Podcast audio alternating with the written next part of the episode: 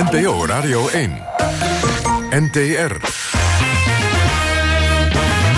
Kwesties met Marianne van den Anker en Rob Oudkerk.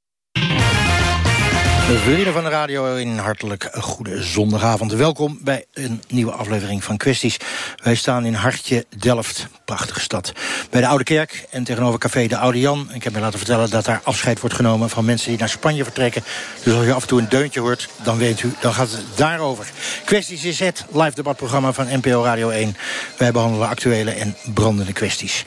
En NPO Radio 1 is deze week bij de les. Dat betekent dat we de hele week in allerlei programma's extra aandacht gaan besteden aan onderwijs. En wij mogen aftrappen met NTR-kwesties met een speciale uitzending. En die gaat over de groeiende prestatiedruk bij studenten en de gevolgen daarvan. Burn-outs, althans, dat zeggen velen. En anderen zeggen, wel nee, dat zijn geen burn-outs. Maar als het ze zijn, wie is dan voor die burn-out verantwoordelijk? We hebben een volle bus. En u kunt met ons meekijken. Dat kan via onze Facebookpagina kwesties. En discussieer als u wil met ons mee door een berichtje te sturen naar NPO Radio 1 app. Maar nu eerst gelijk even naar Rotterdam. Want daar staat mijn collega Marjan van Anker. Ja, daar zitten wij inderdaad, uh, Rob, in het Turkse restaurant Zenne. Het is hier hartstikke druk. We hebben net de vlaggetjesparade gehad. Het einde van de Wereldhavendagen.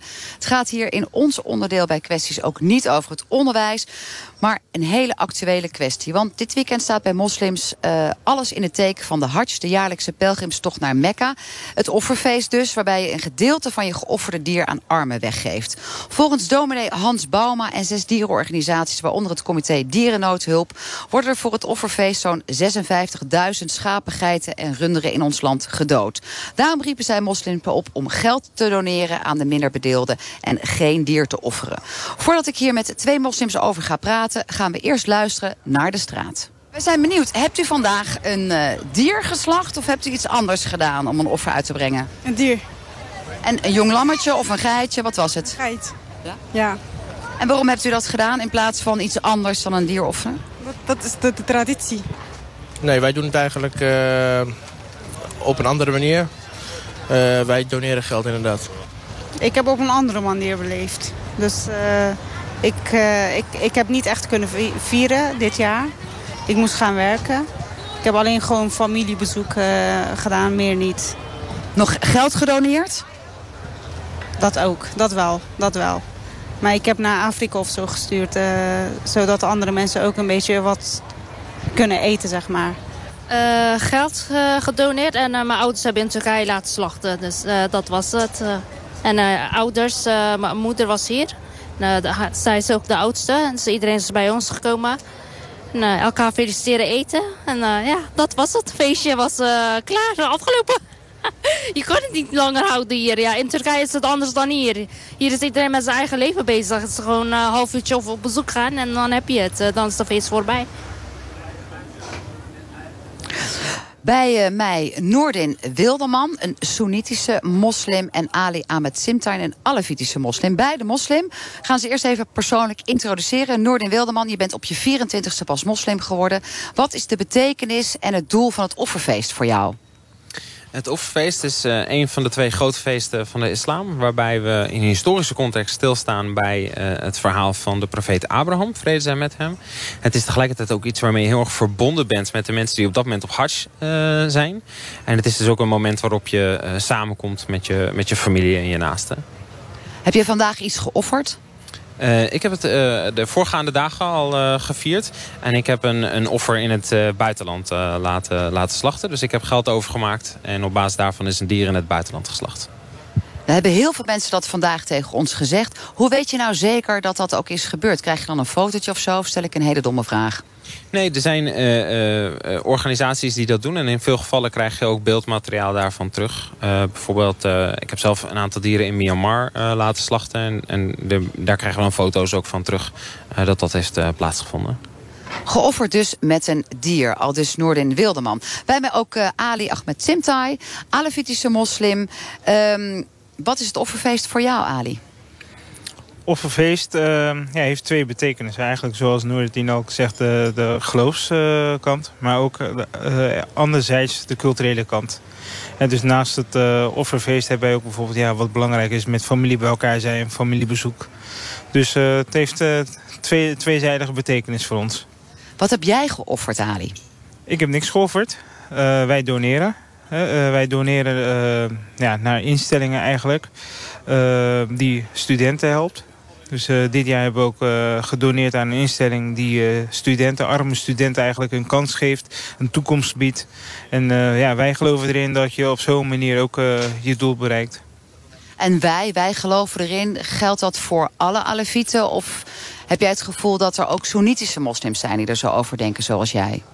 Ik denk ook wel dat uh, zeker Soenitische moslims, uh, vooral bij mij in mijn omgeving, ook zo denken. Niet alle Soenitische moslims uh, ja, slachten een schaap debat waar we het natuurlijk over gaan hebben... mede op basis van de oproep van de dominee en dierenrechtenorganisaties... is natuurlijk, moet je nou dat dier per se offeren... of kan het ook op een andere manier? Noorden, is het een goed offer wat uh, Ali heeft gebracht? Geld doneren aan een instelling? Nou, als je kijkt naar wat mensen doen, dan doen mensen soms verschillende dingen. Uh, ik denk dat het vanuit islamitisch perspectief belangrijker is om te kijken naar wat de profeet, vrede zijn met hem, deed. En uh, het was een gebruik van de profeet om een dier te offeren. En we zien ook dat dat dus heel stevig is verankerd, zowel in de Koran als in de, de overleveringen van het leven van de profeet Mohammed. Dus heel veel mensen doen heel veel verschillende dingen. De vraag is, op welke manier deed de profeet het? En volg je in feite het voorbeeld van de profeet of niet? Dus dat is denk ik daarbij essentieel. Of je nou zelf slacht of dat je soms financiert dat het ergens anders wordt geslacht waar meer arme mensen zijn. Daar is natuurlijk een verschil van mening over. Maar goed, uh, Ali heeft gedoneerd aan een onderwijsinstelling... of een instelling voor studenten. Er is geen dier aan te pas gekomen. Ali vindt het ook het offeren van dier eigenlijk een show. Waarom? Nou, niet zozeer een show. Ik vind eigenlijk dat het uh, de essentie eigenlijk voorbij streeft. uh, ik denk in de tijd, als de profeet andere mogelijkheden had... Hè, uh, dan zou hij ook misschien voor de andere mogelijkheden kunnen kiezen. Vandaag de dag zien we dat ehm, eigenlijk het offeren van een dier ja, niet noodzakelijk is. als je kijkt om je heen is bijvoorbeeld de opleiding is noodzakelijk. Uh, mensen kunnen niet rondkomen op een andere manier elkaar helpen. ik denk dat de essentie meer ligt bij het helpen van de mensen... dan uh, ja, offeren van een dier en middels een dier zeg maar, iemand te helpen. Je, alleen met een dier helpen help je niet. En zeker niet één keer in een jaar. Noorden? Ja, eh, dit idee komt voort uit een, uit een, denk ik, iets onvoldoende inzicht in het leven van de profeet. Vrede zijn met hem en de uitdagingen waar hij mee leefde. De profeet had heel veel... Oh, ik breek heel even in. Maar betekent dat dat je eigenlijk tegen Ali zegt... joh, je moet de Koran opnieuw lezen of je bent geen goede moslim? Nou, wat in dit geval zou ik zeggen... verdiep je in het leven van de profeet Mohammed... en, en de context waarin zij leefde. Je ziet ook dat zij namelijk heel veel andere mogelijkheden hadden. Je ziet ook dat er heel veel andere mogelijkheden werden uh, gebruikt. Dat het voor het volledige jaar ook zeer is aangeraden om allerlei vormen van liefdadigheid te doen. Voor het gehele jaar geldt dat. Voor het gehele jaar wordt dat aangemoedigd. Voor deze ene specifieke dag gaat het over het offeren van een dier. En dit is overigens ook gelijk mijn kritiek op de dominee. Die overigens, wat, als je het goed leest een wat radicale tekst heeft geschreven... waarin hij niet alleen een kanttekening plaatst bij islam... maar eigenlijk ook vindt dat de hele grondwet zou moeten worden veranderd in Nederland. Uh, ik denk dat dat vrij vergaande radicale standpunten zijn die hij formuleert. Maar laten we het even houden gewoon bij het slachten van het dier. Want op deze dag zijn dat er enorm veel tegelijkertijd. Je kan het zelfs op internet uh, uh, allemaal uh, laten bestellen tegenwoordig. Um, en we hebben ook begrepen dat heel veel van die dieren... gewoon uiteindelijk ergens worden opgestapeld en niet worden gegeten. Klopt dat, Ali? Nou, ik heb beelden gezien vanuit uh, Mekka... waar heel veel uh, offers worden geslacht. En die worden echt op een hoop gegooid. Ik denk dat uh, ja, zoveel mensen en zoveel offers, zeg maar... ik vind het gewoon pure dierenleed. En ik vind ook een zeer foute interpretatie van de, de godsdienst zelf. Ik denk niet als de profeet vrede zij met hem... als hij dat nu zo had gezien, dan had hij zich omgekeerd, zeg maar. Hij zou zich hebben omgekeerd in zijn graf, Noordin Wilderman. Dat is wat Ali Simtai zegt. Ja, ik ben uh, vijf keer zowel in Mekka als Medina geweest, waarvan twee keer de Hajj. Ik ben zelf actief daar betrokken geweest ook bij dit proces. Uh, de dieren worden daar nadat ze worden geslacht uh, opgeslagen in speciale gekoelde ruimtes. De religieuze raad van Saudi-Arabië ziet daarop toe. En vanuit die gekoelde ruimtes wordt dat daarna verspreid. Dus opnieuw, ik zou zeggen, zorg ervoor dat je voldoende informatie hebt... voordat je daar een uitspraak over doet. Daarnaast... Maar je blijft toch uiteindelijk, Ali, lichtelijk beledigen... in de zin van zorg dat je voldoende informatie hebt. Lees de Koran. Ali komt met het punt van dierenleed. En geeft natuurlijk ook aan dat het, het eigenlijk niet zou hoeven. Het kan ook op een andere manier. Waarom dat, uh, dat punt niet ook gewoon ingepakt, Noordin Wildeman? Het kan op een andere manier. Waarom niet? Waarom zo vasthouden aan het offeren van een dier? Nou, dat is dus een hele. Dat is in feite dus ook de kern van de discussie. Hè? De, de profeet had heel veel verschillende mogelijkheden waarop hij het deed. Uh, waarop die uh, uh, aan, aan vrijgevigheid deed. Er waren heel veel verschillende manieren waarop, waarop er aan liefdadigheid werd gedaan. Alleen op één dag per jaar werd er een dier geofferd. En wie zegt van nou ja, hij had iets anders kunnen doen, dat kon hij ook, maar dat heeft hij niet gedaan. Dus of wij gaan nu zeg maar onze eigen ideeën projecteren op de profeet... en dan gaan we zeggen, dat wordt dan mijn religie die ik dan zo heb verzonnen. Of we zeggen, we volgen de profeet. En in het volgen van de profeet vind jij, Ali, dat jij ook een goede moslim bent. Is er enig uh, uh, perspectief op dat Soenitische moslims, zoals Noordin Wildeman, uh, hun mening gaan veranderen? Of dat het ook op een andere manier kan? Kijk, we hebben respect voor ieders geloof. En voor ieder hoe die zijn eigen geloof beleeft. Kijk, ik heb een hele andere interpretatie van het geloof dan uh, meneer Wilderman. Uh, ja, met alle respect. Kijk, ik kijk naar de beelden die ik heb. Ik ben zelf niet naar de Mekka geweest. Maar als ik op de beelden zie dat uh, ja, de, de, dieren echt ja, een mes door hun keel krijgen... en op een grote stapel dood zien bloeden... dan denk ik bij mezelf, ja, dat is niet menselijk. laat staan... Voor een dier. Wat er achteraf ge gebeurt met de dieren, ja, dat laat me een beetje koud. Maar op het moment dat je ziet hoe hoe het gestacht wordt... dan denk ik van, joh, dit zou geen enkel uh, moslim uh, gewild hebben. Hè? Ik bedoel, als ik uh, nu bijvoorbeeld drie arme kinderen laat studeren... Hè, en daar mijn geld naartoe doneer... dan vind ik mezelf geen slechter persoon dan een andere moslim. Hè? Is, is Ali in jouw ogen een slechtere moslim dan jij dat bent, Noordin Wilderman? Nou, ik ben het in ieder geval fundamenteel met hem oneens op dit punt. En hij geeft ook aan, dit zou geen enkele moslim gewild hebben. De wijze waarop de dieren worden geslacht is identiek aan de wijze waarop het werd gedaan door de profeet en zijn metgezellen. En als je dan dus zegt, geen enkele moslim zou dat willen. Volgens mij plaats je dan bijna de profeet zelf buiten de islamitische gemeenschap. En dat vind ik echt wel een, een vrij verregaande uitspraak. Daarnaast, als we dan zeggen van met alle respect... Het... Ali zegt nee. nee. Nee. Ik denk als de profeet andere middelen had gehad in die tijd... Die waren er. Ja, dan had hij, andere middelen getoond. Nee. Er waren verschillende middelen en hij koos voor deze methode. Maar is er ontwikkeling mogelijk in een geloof? Waarbij je zegt, nou ja, dat dierenslacht is misschien ook een beetje ouderwets, niet meer echt nodig. Uh, het kan ook op een andere manier, Noordin. Als je kijkt naar islam, dan zie je dat er een onderscheid wordt gemaakt tussen gewoontehandelingen en handelingen die gerelateerd zijn aan de aanbidding. En handelingen die gerelateerd zijn aan de aanbidding, zoals bijvoorbeeld hoe we het offerfeest vieren, dat zijn zaken die zijn verankerd in de religie. Als het gaat om gewoontehandelingen, bijvoorbeeld hoe kom je hier naartoe, die zijn vrij. Dus ik ben niet op een kameel gekomen, ik ben gekomen in een auto. Maar daar waar het, waar het handelingen van aanbidding betreft, dan gaan we niet later zeggen van nou ja, eh, op basis van mijn persoonlijke eh, opinie... denk ik dat de profeet het nu met mij eens zou zijn geweest. En dan ga ik niet kijken naar hoe de profeet het deed... maar dan ga ik eigenlijk kijken naar wat mijn mening nu is. Nee, dan volg je jezelf. Als het gaat om aanbidding, volgen we de profeet. We krijgen allemaal hier een lesje van Noordin Wilderman hoe het zit. En jij zit voortdurend nee te klikken, Ali uh, Simtai. Ja, nee, inderdaad. Ik ben het uh, niet met hem eens. Als hij zo strikt volgt. Je hebt mensen die uh, strikt willen volgen. Ik zie voorbeelden dat mensen urine van een kameel drinken... omdat dat destijds ook werd gedaan. En dat dat helende werking zou hebben. Dan denk ik bij mezelf, het is toch een beetje te zot voor woorden. Of dat je met een kameel hier komt. Weet je, dat, dat zijn ja, eigenlijk de, dezelfde voorbeelden. Hey, God heeft je toch ook verstand gegeven, zou je bijna zeggen? Juist, juist. God heeft je scrupules gegeven, verstand gegeven... om na te denken, maar ook te interpreteren. Kijk, uh, de profeet heeft zelf ook uh, gezegd... als ik de stad van de wijsheid ben, is, de, is Ali de poort van de wijsheid. Dus je komt via Ali uh, naar de poort van de wijsheid. He, uh, kijk, wij volgen de profeet, maar ook zijn nakomelingen. Uh, of zijn volgelingen, de, de Ali. Maar die volgelingen zijn, zijn vermoord hè, door de moslims zelf.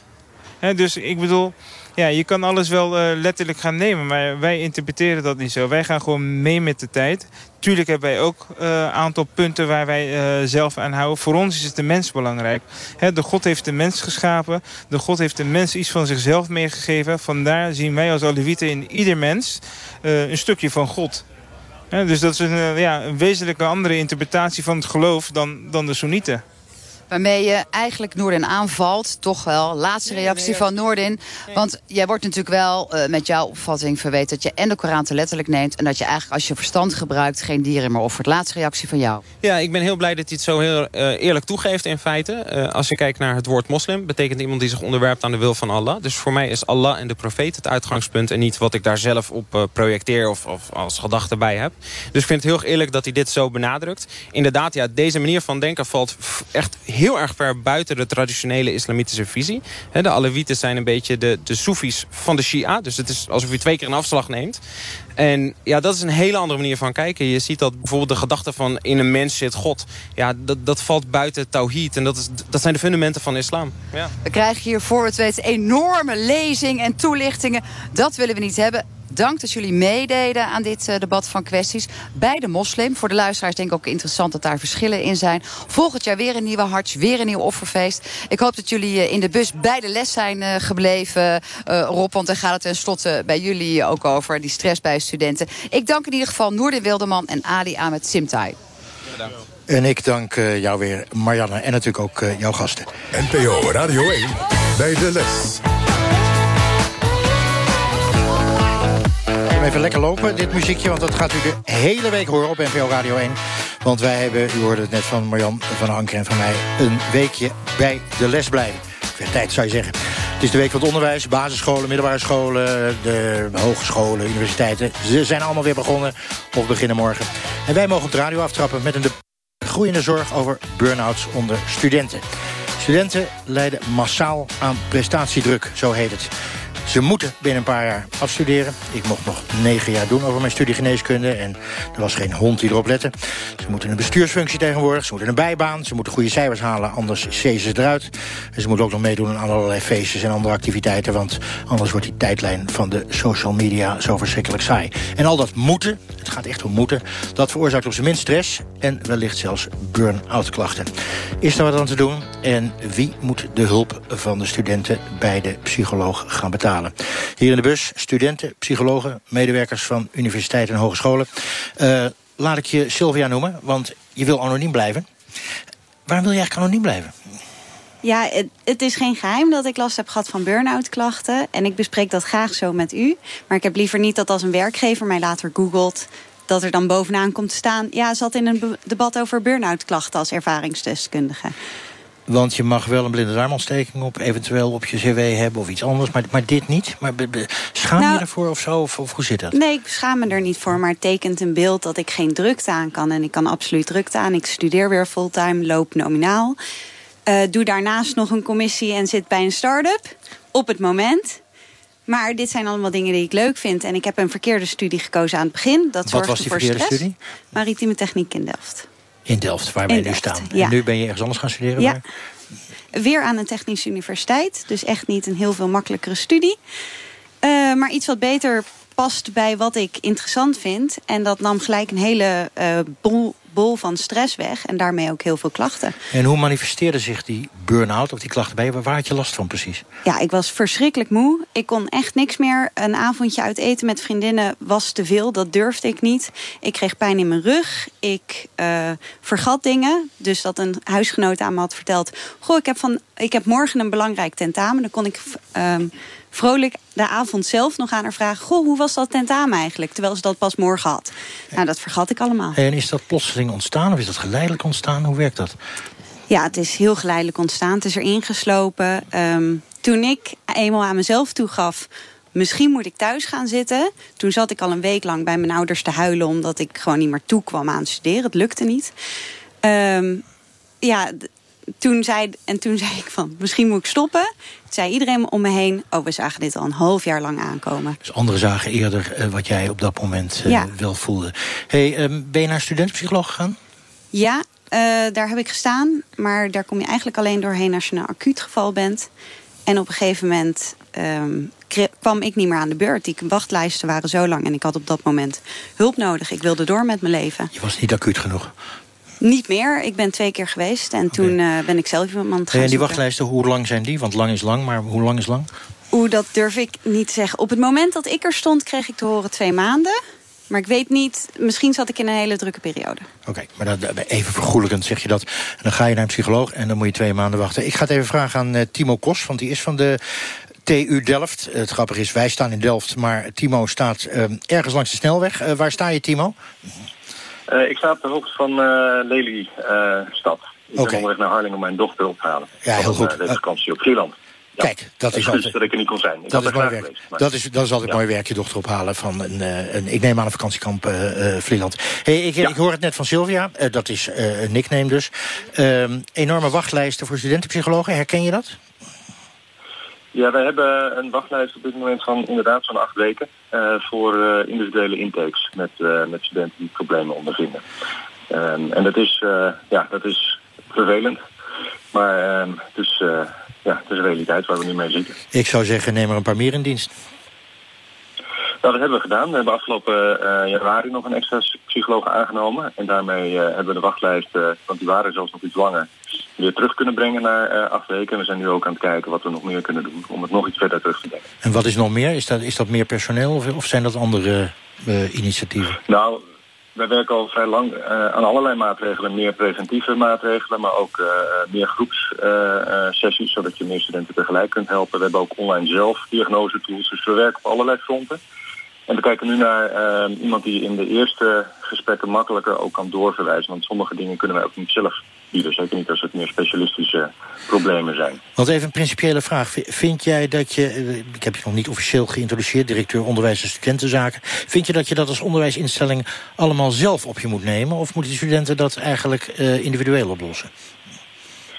Eh, nou, dat is best een moeilijke vraag waar wij ook nog mee worstelen. Ehm, wij proberen de lijn te trekken dat als het eh, de studie beïnvloedt, eh, dat wij proberen te ondersteunen. Ehm, maar ja, wij kunnen natuurlijk niet alles oplossen. Wij kunnen wel heel goed dingen oplossen die heel specifiek eh, voorkomen in het onderwijs. Denk aan faalangst concentratiestoornissen bij de studie. Maar ja, als mensen complexe problematiek hebben, zoals eh, depressies of verslavingsproblemen, ja, dat, dat kunnen wij niet allemaal zelf. Dan verwijzen wij door. Dat snap ik, maar dan krijg je weer het probleem van de financiering. Een heleboel wordt tegenwoordig niet meer vergoed. Dus kan ik me ook voorstellen dat Ja. studenten zeggen... liever bij de studentenpsycholoog, want dat is gratis. Gratis is natuurlijk niet, het wordt door de universiteit betaald. En eh, als ik een individueel psycholoog krijg, ja, dan ben ik het haasje... want dan kan ik niet betalen. Financiering is een issue, ehm, maar ja, wij worden er ook niet voor betaald. wij worden in eerste instantie betaald om een onderwijs te verzorgen. En het is ehm, ja, best lastig om studenten eh, door te moeten verwijzen. Zeker omdat de wachtlijsten buiten de uh, universiteit soms nog veel langer zijn. Ehm, dat is eh, helemaal tragisch. Je wou zeggen, het valt nog mee. eh, acht weken bij ons en eh, soms wel 12 tot 16 weken in individuele gevallen. Is dat eigenlijk wat je zegt? Nee, dat zeg ik zeker niet. Maar het is een maatschappelijk probleem wat veel- breder eh, ligt.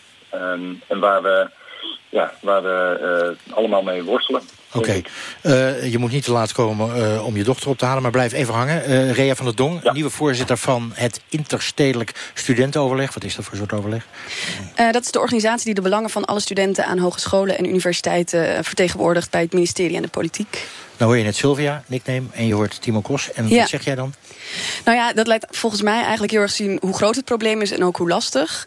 Uh, ik vind het heel jammer om te horen dat jij zo lang hebt, Sylvia, moeten wachten om hulp te krijgen. En uh, ik denk dat dat ook echt een uitdaging is voor universiteiten en hogescholen. En ook een verantwoordelijkheid om daarover na te denken en echt passende hulp te bieden. Zodat je snel geholpen kunt worden voordat de problemen nog groter worden. Nou heeft de redactie veel voorwerk gedaan. En de ene universiteit en de ene hogeschool is niet de andere. Bij de ene is het eigenlijk heel aardig geregeld. Maastricht bijvoorbeeld. Bij de ander is het weer helemaal niet zo goed geregeld. Kunnen die verschillen zo ontstaan? Je zou toch zeggen, we studeren met z'n allen in één land. Het is niet een heel groot land. Er zijn niet zulke hele grote regionale verschillen. Hoe zit dat? Nou ja, dat vind ik een hele goede vraag. We hebben vorig jaar ook aan de bel getrokken over dit onderwerp. En ook uh, is, is er een motie aangenomen die uh, de minister ook vraagt... om hier samen met de universiteit en hogescholen een actieplan op te maken. Om te zorgen dat nou ja, eigenlijk elke student en elke universiteit en hogeschool die hulp kan krijgen. Nou, goed dat je het zegt, die motie, want die is in februari aangenomen. Ja. Ik heb zelf in de politiek gezeten. Als er een motie wordt aangenomen en de Kamer wil wat... dan moet de minister dat uitvoeren. Zo is het geregeld in het land. Wat heeft jij het busmaker gedaan? Nou ja, die is daarover in gesprek gegaan. En ik heb ook wel begrepen dat de universiteiten en hogescholen wel aan het nadenken zijn over hoe ze dit op kunnen lossen en kunnen aanpakken. Maar het gaat vrij langzaam. Ik denk ook wel door de politieke situatie waar we nu in zitten. Uh, dus ik ben ook blij dat we er vandaag weer aandacht aan besteden. Want we moeten er wel bovenop blijven zitten, blijkt wel. Nou, zei Timo net, um, uh, wij proberen het op een aantal manieren op te lossen. En niet alleen personeel, maar ook nog een aantal andere dingen. Online, uh, groepsessies. Zijn dat goede oplossingen? Nou, ik denk dat het heel belangrijk is om na te denken over een heleboel verschillende strategieën die je kunt gebruiken. Maar ik vind het wel ook belangrijk om te benadrukken dat je ook hogescholen hebt waar überhaupt nog geen studentpsychologen zitten. Kan nog, kan nog erger Dus dat is, ja, dat is wel heel belangrijk dat we ook daar echt op blijven inzetten. Uh, maar daarnaast ben ik het wel ermee eens dat je um, ook moet inzetten op preventie. Dat je moet zorgen dat het eigenlijk ook niet zo ver hoeft te komen. Maar dat, het is wel heel belangrijk dat als studenten eenmaal wel die klachten hebben... dat ze wel terecht kunnen bij iemand die daar ook voor geschoold getraind is. En als echt een professional die hulp kan bieden. En dat kan ook niet iedereen.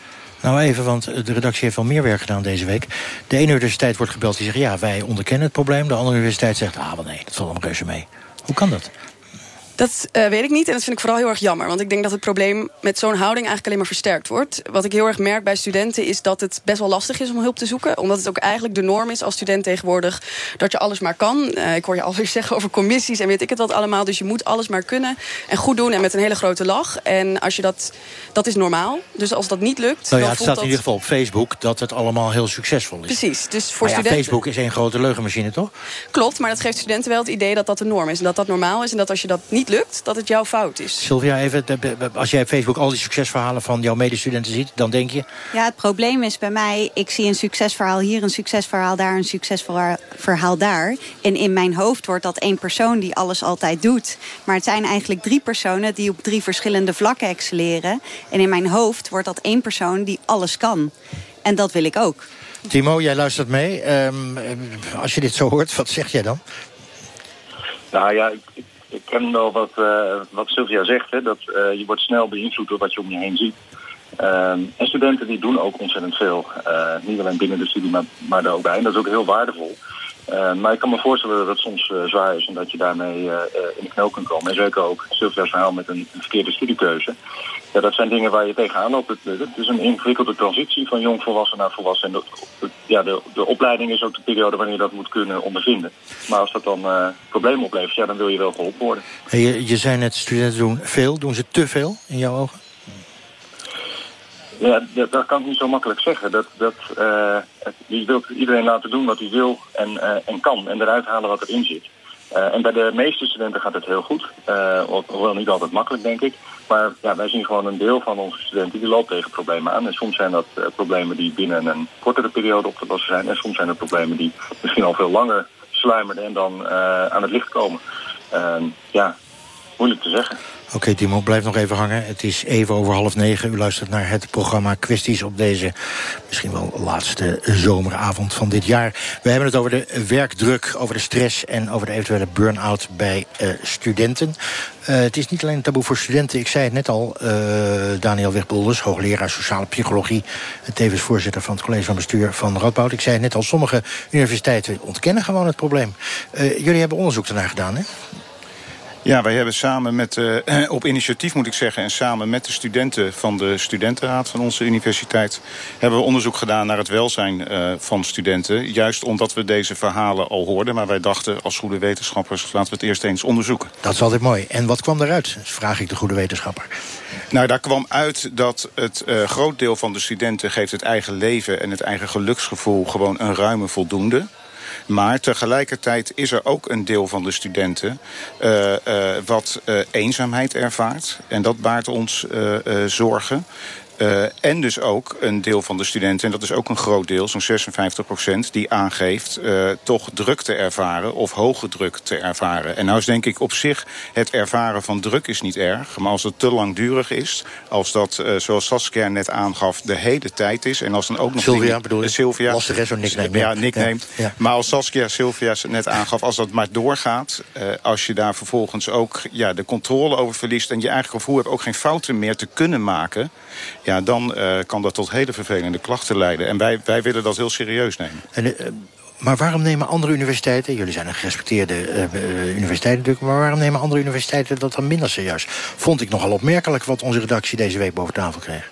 Ja, ik kan over andere universiteiten niks zeggen wat dat betreft. Ik kan alleen wat over de Radboud Universiteit Dat begrijp ik, maar het is op zijn minst raar... als je nu naar dit programma zit te luisteren, denk je... luister eens, wat in Nijmegen een probleem is... is ook in uh, Amsterdam, Rotterdam, Leiden, Groningen en waar dan ook een probleem? Nou, wij, wij hebben ook toen we de resultaten van uh, het onderzoek uh, zagen... hebben wij natuurlijk als eerste gedacht zelf ook van... is dit nou typisch voor de Radboud Universiteit? Maar al snel kwamen wij zelf tot het vermoeden. En ook als je, als je kijkt naar alle interviews landelijk enzovoort... van dit is waarschijnlijk uh, een structureler iets wat overal speelt. En ik denk dat het alle universiteiten gaan, gaan de studenten aan het hart. En uh, wat net door Timo ook al aangegeven werd... waar het echt ook de voortgang van de studie betreft... ja, daar is het ook onze verantwoordelijkheid. Jean-Marie Molina, ook in de bus. Uh, je werkt op de Hogeschool van Rotterdam. Begeleidt studenten met studieproblemen. Geeft er geloof ik al bijna tien jaar les. Ja. Um, Hoor jij veel burn-out klachten? Weer een andere stad, hè? Ben je student in Rotterdam? Um, ik kom regelmatig studenten tegen die inderdaad last hebben van burn-out. Dat klopt. Is dat gestegen? Is dat meer? Ik bedoel, je werkt al tien jaar. Is het meer dan tien jaar geleden? Um, ik, ik denk dat de hoeveelheid studenten die last hebben van burn-out... dat wel inderdaad toeneemt. Maar ik denk dat dat ook een logisch gevolg is... van de maatschappelijke ontwikkelingen van deze dag. En de eisen die we stellen aan, aan mensen en aan studenten. Dus, Te hoog? Te veel? Um, ik, weet, ik zou niet zeggen te hoog, maar ik zou zeggen niet meer realistisch. Ik vind dat we niet meer realistische doel uh, stellen uh, aan, aan studenten. Maar wat is niet realistisch? Wat bedoel je daarmee? Nou, um, Sylvia die zei het ook net. Um, zij zegt van ik ik, ik kijk naar het succes van, van drie verschillende mensen. En in mijn hoofd heb ik het idee dat dat één persoon is die alles moet kunnen. Nou, ik, ik wil dat zelfs nog even sterker zeggen. Ik zeg, de maatschappij zegt tegen mensen, tegen onze studenten... van jij moet succes hebben. Het mag niet te lang duren. Je mag niet falen. En je moet het ook zo snel mogelijk moet je tot de, de top komen. En dat zijn de mensen die wij willen. Nou, omdat we mensen leren dat falen eigenlijk... of iets nog niet kunnen, uh, verschrikkelijk is. En ook iets is dat een kenmerk is van de persoon zelf. In plaats van een omstandigheid waar hij of, zich, of zij zich in bevindt... gaan mensen zichzelf dingen aanrekenen. En gaan vanuit die willen presteren. En daarmee komen ze in de problemen. Oké, okay, je maakt het duidelijk. Uh, even naar de uh, deskundige, als ik je zo mag noemen... Femke Marsman, psycholoog hier in Delft. Ja. Je begeleidt uh, heel veel jonge mensen uit het bedrijfsleven. Zeker. met burn-out klachten, niet specifiek studenten. Even voor de luisteraar, wat is het nou precies, een burn-out? Een burn-out is dat je eigenlijk al langere tijd uh, onder zware spanning staat. Zowel uh, geestelijk als uh, fysiek. En dat elastiek dat rekt steeds verder uit en steeds verder uit. En dan ineens knapt hij. Zoals Sylvia beschreef eigenlijk. Nou, ze, zij, ik weet niet, de echte burn-out. Uh, ze had een beginnende burn-out, denk ik. Hè. Al wel heel veel kenmerken ervan. Dus uh, je bent op tijd, uh, is het goed gekomen. Maar een, een, een echte burn-out, of nou ja, wat is echt maar goed...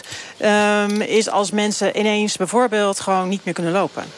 Ik ken iemand die zei... Zover kan ja, het echt komen. Absoluut. Ik, iemand zei tegen mij, ja, ik fietste op straat en ik kon niet meer fietsen. Ik kon niet meer voor of achteruit. Ik moest echt opgehaald worden.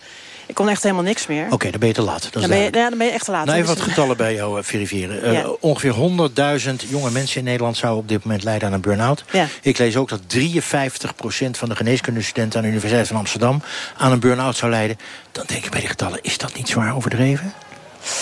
Nou, een burn-out of, of hard op weg. Ik denk dat dat niet zo zwaar overdreven is. Ik Zoveel dus? Ja, dat maar dat is meer dan de helft van de geneeskundestudenten? Ik weet het niet, ik weet echt niet de feiten. Maar ik denk dat dat echt wel uh, dat dat heel goed mogelijk is. Waarom komt dat bij studenten die, die uh, geneeskunde studeren... of allerlei praktische vakken, dat, dat laten de getallen ook zien. Waarom komt dat zoveel meer voor? Wat is dat?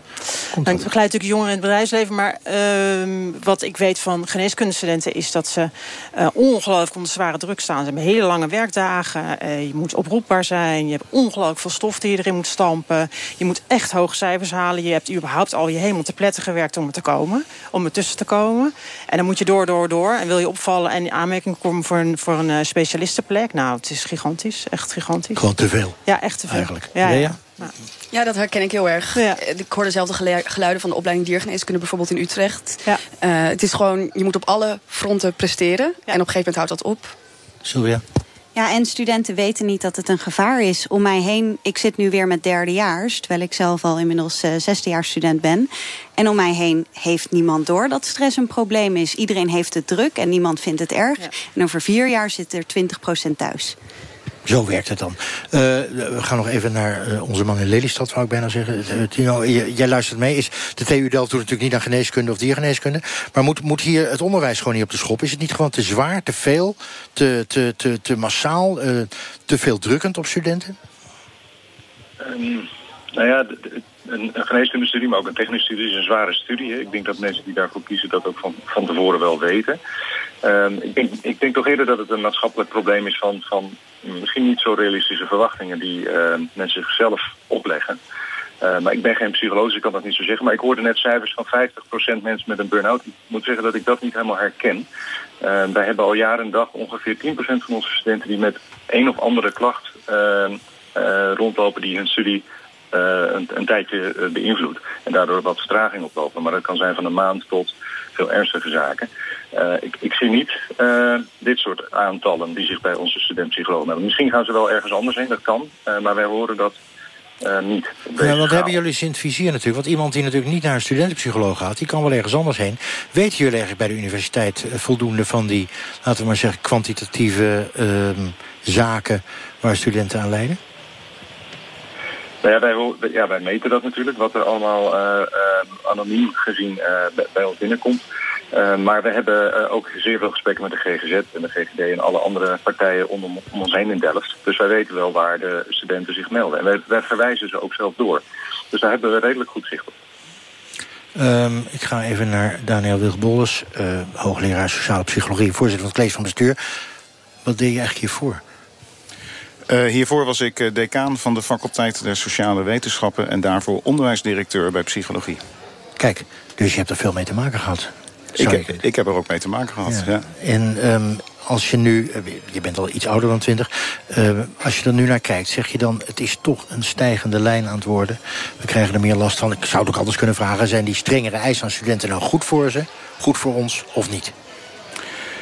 Ik denk ten dele dat we wat strengere eisen gaan stellen. Uh, je kan ook zeggen dat we duidelijk zijn naar studenten, wat we van ze verwachten. Dat vind ik zelf beter verwoord dan strengere eisen als je het goed invult.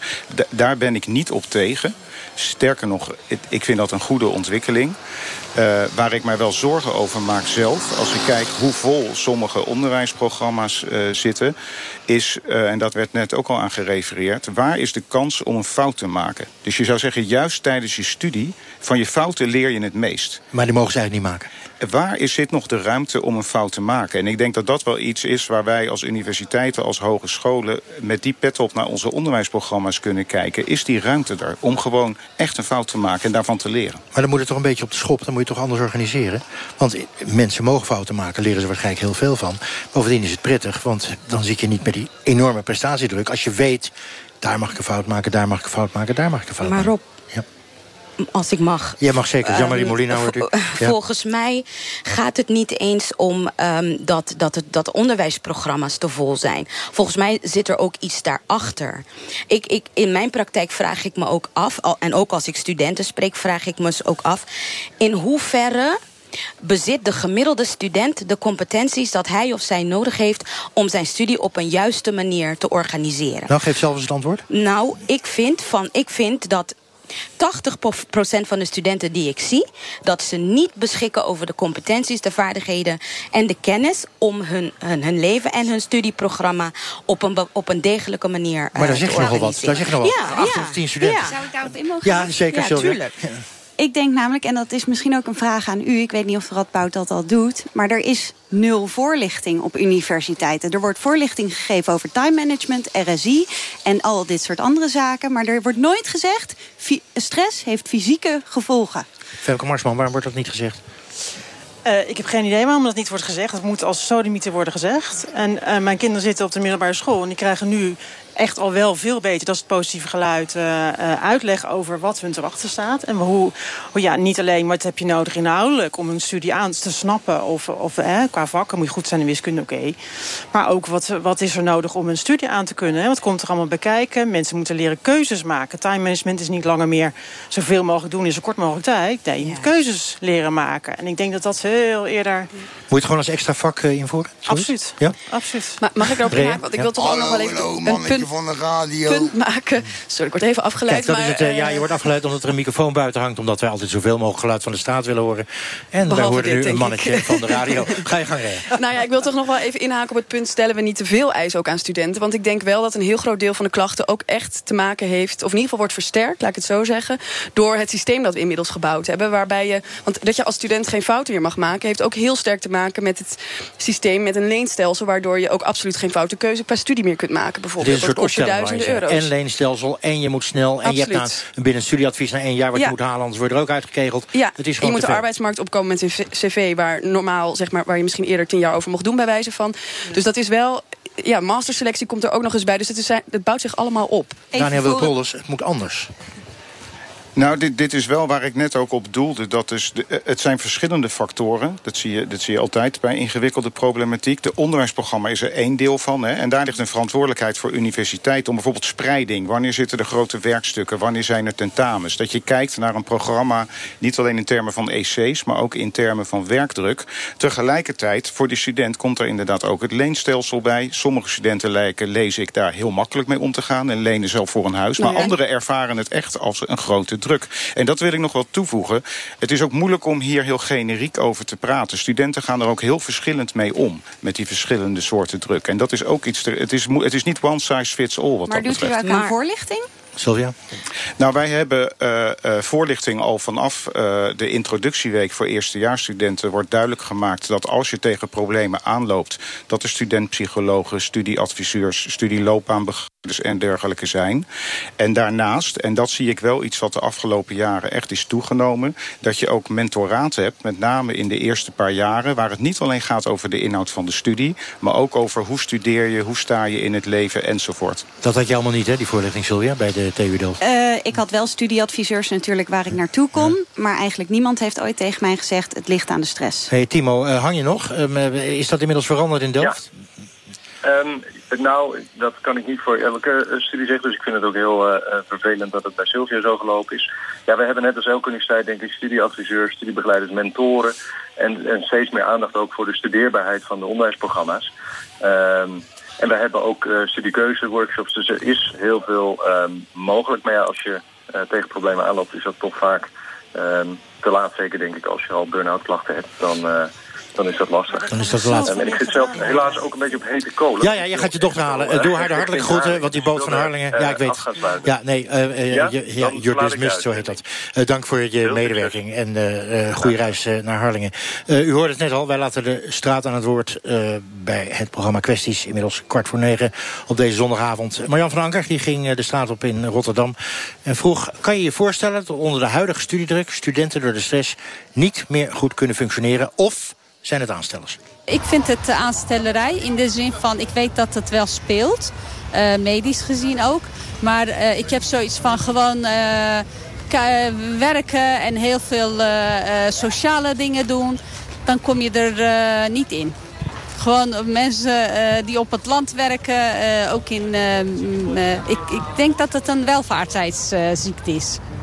Ja, ik, ik denk niet dat dat zo is. Ik denk echt niet dat, uh, dat studenten zich aanstellen. Nee, dat denk ik niet. Nee. Um, ja, ik herken wel dat soms heel veel van je wordt gevraagd tijdens een studie. Zeker met, als je ook nog werkt daarnaast, is dat best wel druk. Kan je wel als, uh, niet burn-out misschien, maar wel als druk ervaren. Zeker wel. Ik heb er zelf gelukkig geen last van gehad. Maar ik denk niet dat mensen zich aanstellen. Nee, want wat heb je dan voor, aan verhalen gehoord van mensen om je heen... die zeiden, oh, ik, ik weet niet, ik zit er bijna doorheen. Nou ja, ik ken wel mensen die gewoon inderdaad echt niks meer kunnen. Dus ja, dat is niet omdat ze dat willen. Dus daar hebben ze toch wel echt ergens last van. Ja. En, en heb je een verklaring daarvoor? Ja, ik denk dat mensen zichzelf veel druk opleggen. Om alles, overal alles te willen.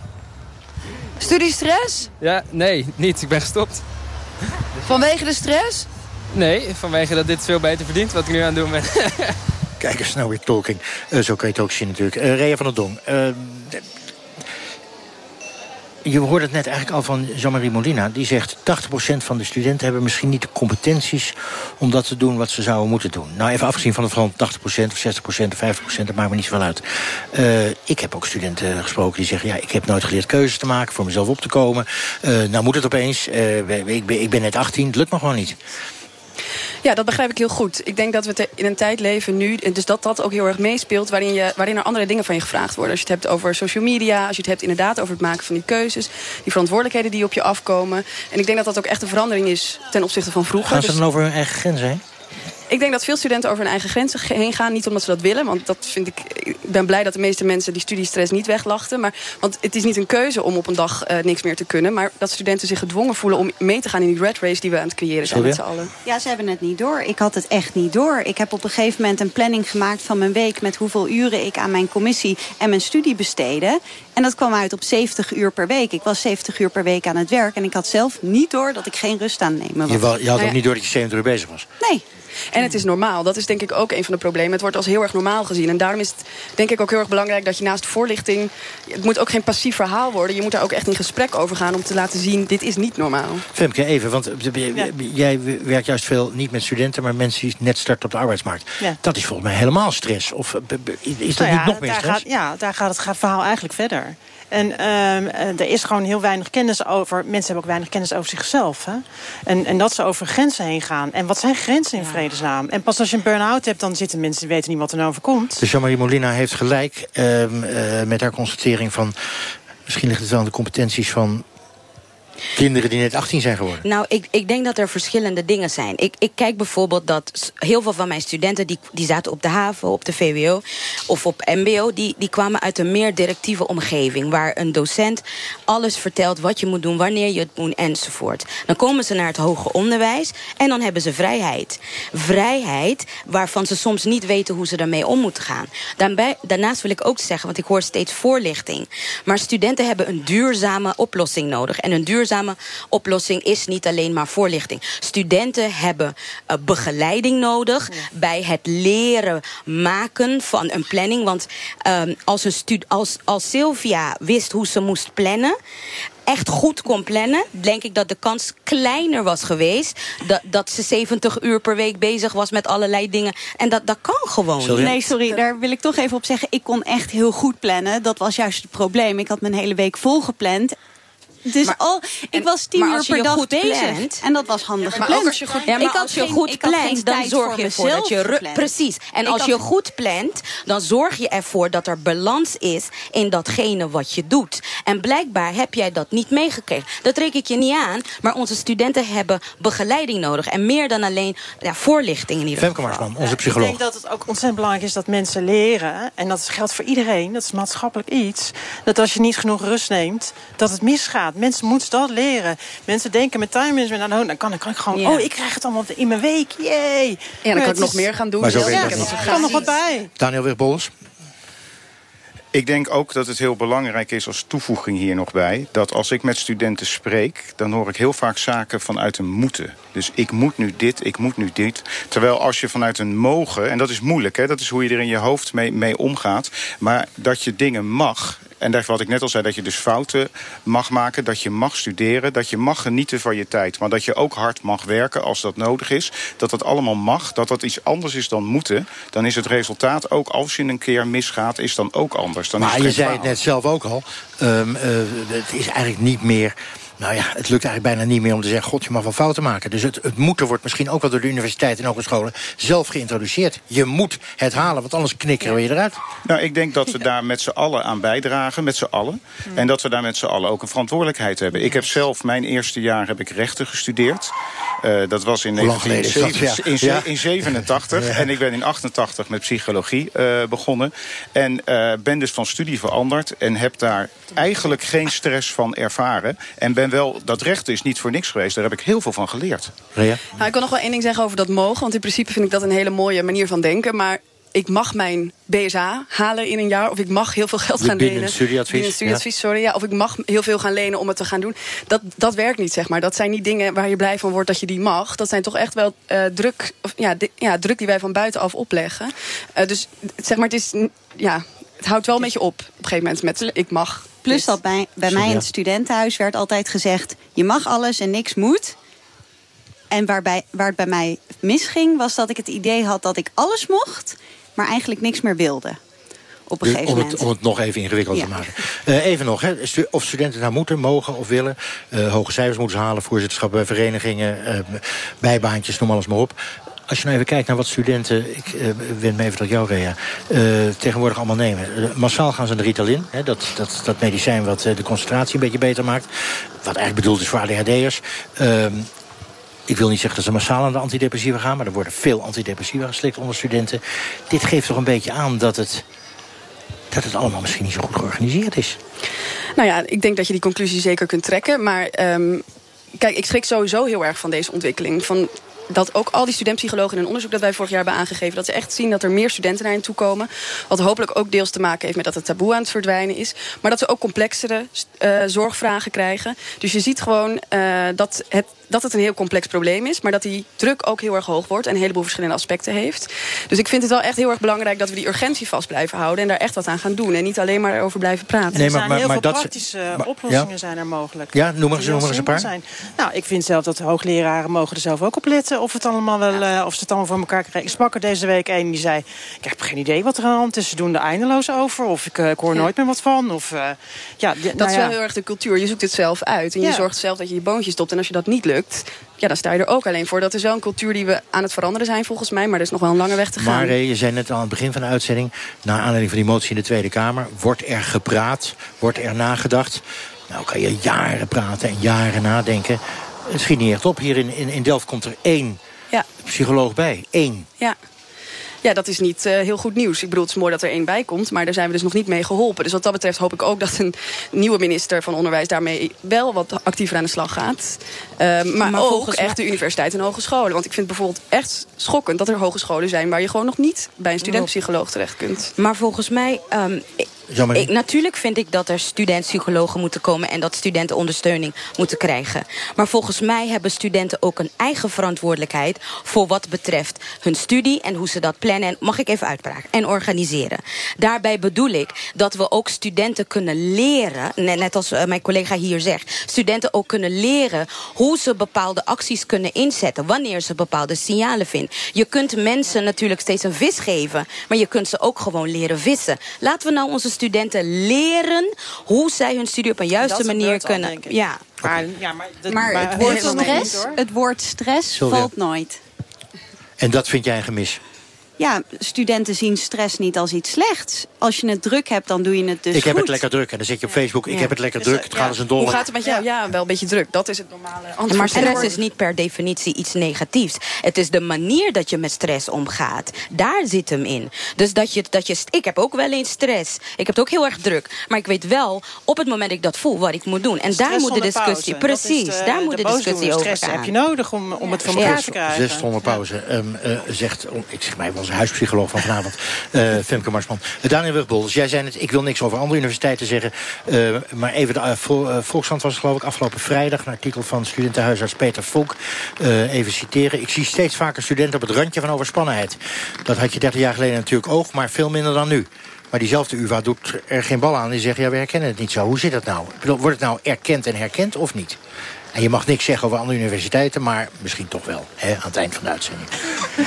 Nou, ook aan het eind van de uitzending kan ik zeggen dat, dat wij van de Radboud Universiteit dus herkennen dat de, bijvoorbeeld de hoeveelheid tijd die studenten aan te geven aan de studie te hebben besteed en aan hun baantjes en aan vrijwilligerswerk, dat neemt toe. Maar wacht even, jij, jij bent baas, eh, voorzitter van het college van bestuur van de Radboud Universiteit. Jij zit toch met al die andere collegevoorzitters aan tafel, eens in de zoveel tijd. En dan zegt toch, jongens, we hebben hier een fors probleem. We hebben een kamermotie, die moeten we waarmaken. Hogescholen en universiteiten, kom op. Nou, wij hebben ook de resultaten van onze enquête meteen gedeeld. En eh, gaan dit onderwerp ook verder samen met de, de, de rector eh, eh, van ons bestuur op de, op de kaart zetten in onze overleggen met andere universiteiten. En jullie gaan meer aandacht aan stress besteden. Dat doen ze ook bij de Vrije Universiteit in Amsterdam. Ehm, is dat dan de oplossing? Meer aandacht aan stress besteden? Vraag aan Sylvia. Uh, ja, dat denk ik. Maar ik ben met een vriendin bijvoorbeeld ook bezig. We zijn nu een website aan het maken, studentenstress.nl. Uh, waar meer persoonlijke verhalen op moeten komen van studenten die hiermee dealen en hiermee omgaan. Persoonlijke verhalen. Uh, Femke, is het dat? Nou, ik, ik, ik geloof dat er nu op dit moment wel steeds meer technieken zijn... om uh, uh, uit te pluizen waar de stress zit en hoe dat in elkaar steekt. Ik ben zelf met een uh, paar ondernemers een bedrijf begonnen. Die hebben software ontwikkeld, KeenCorp... waarbij we dagelijks automatisch stress kunnen meten... bij groepen medewerkers. Waardoor het dus veel sneller duidelijk wordt dat er wat aan de hand is. En ik denk dat dat soort zaken gewoon veel meer worden toegepast... en dat er veel meer mogelijk is dan er nu wordt gedacht. Ten slotte, Gea, is het over een jaar opgelost? Dat denk ik niet. Daar heb ik een hard hoofd in. Ik hoop het van harte, maar dan moet er wel... Nou, ik vind het mooi, er is hier heel veel aandacht voor preventie. Dat is heel erg goed. En we moeten ook zorgen dat als het wel misgaat... dat je ergens terecht kunt. Ik dank jullie allen. We zijn er nog niet uit. Um, levert misschien een heel klein beetje stress op bij ons allemaal. Maar dat is goed, heb ik inmiddels begrepen. Uh, ik dank jullie hartelijk. We praten er ongetwijfeld verder over. Over een motie die door de Kamer of door de minister nog niet is uitgevoerd. Ik zei het aan het begin al. De komende week besteedt NPO Radio 1 elke dag aandacht aan het onderwijs in Nederland. In verschillende programma's. En goed om te weten alles wat u bedenkt wordt doorgegeven aan de beslissers in het onderwijs. Dus ook uw ideeën. Dus laat van u horen via radio1.nl. Zometeen Radiodoc. Onder andere een documentaire over het empty nest, het lege nestsyndroom. Als je dochter op kamers gaat. Ja, dat heb ik zelf ook ervaren. Ik wens u een uh, prachtige zomeravond. En tot volgende week met weer een nieuwe kwesties over een heel ander onderwerp.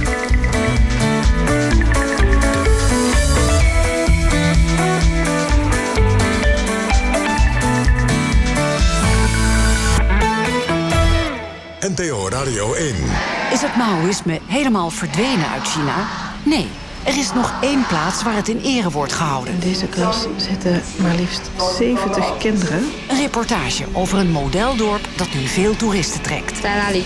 Ze vertelt ook over concerten en toneelstukken die ze opvoeren op speciale dagen... bij het standbeeld van uh, Mao op het Grote Plein in het dorp. Morgenavond om 8 uur bij Bureau Buitenland de Zaanse schans van het Chinese communisme. Op NPO Radio 1, het nieuws van alle kanten.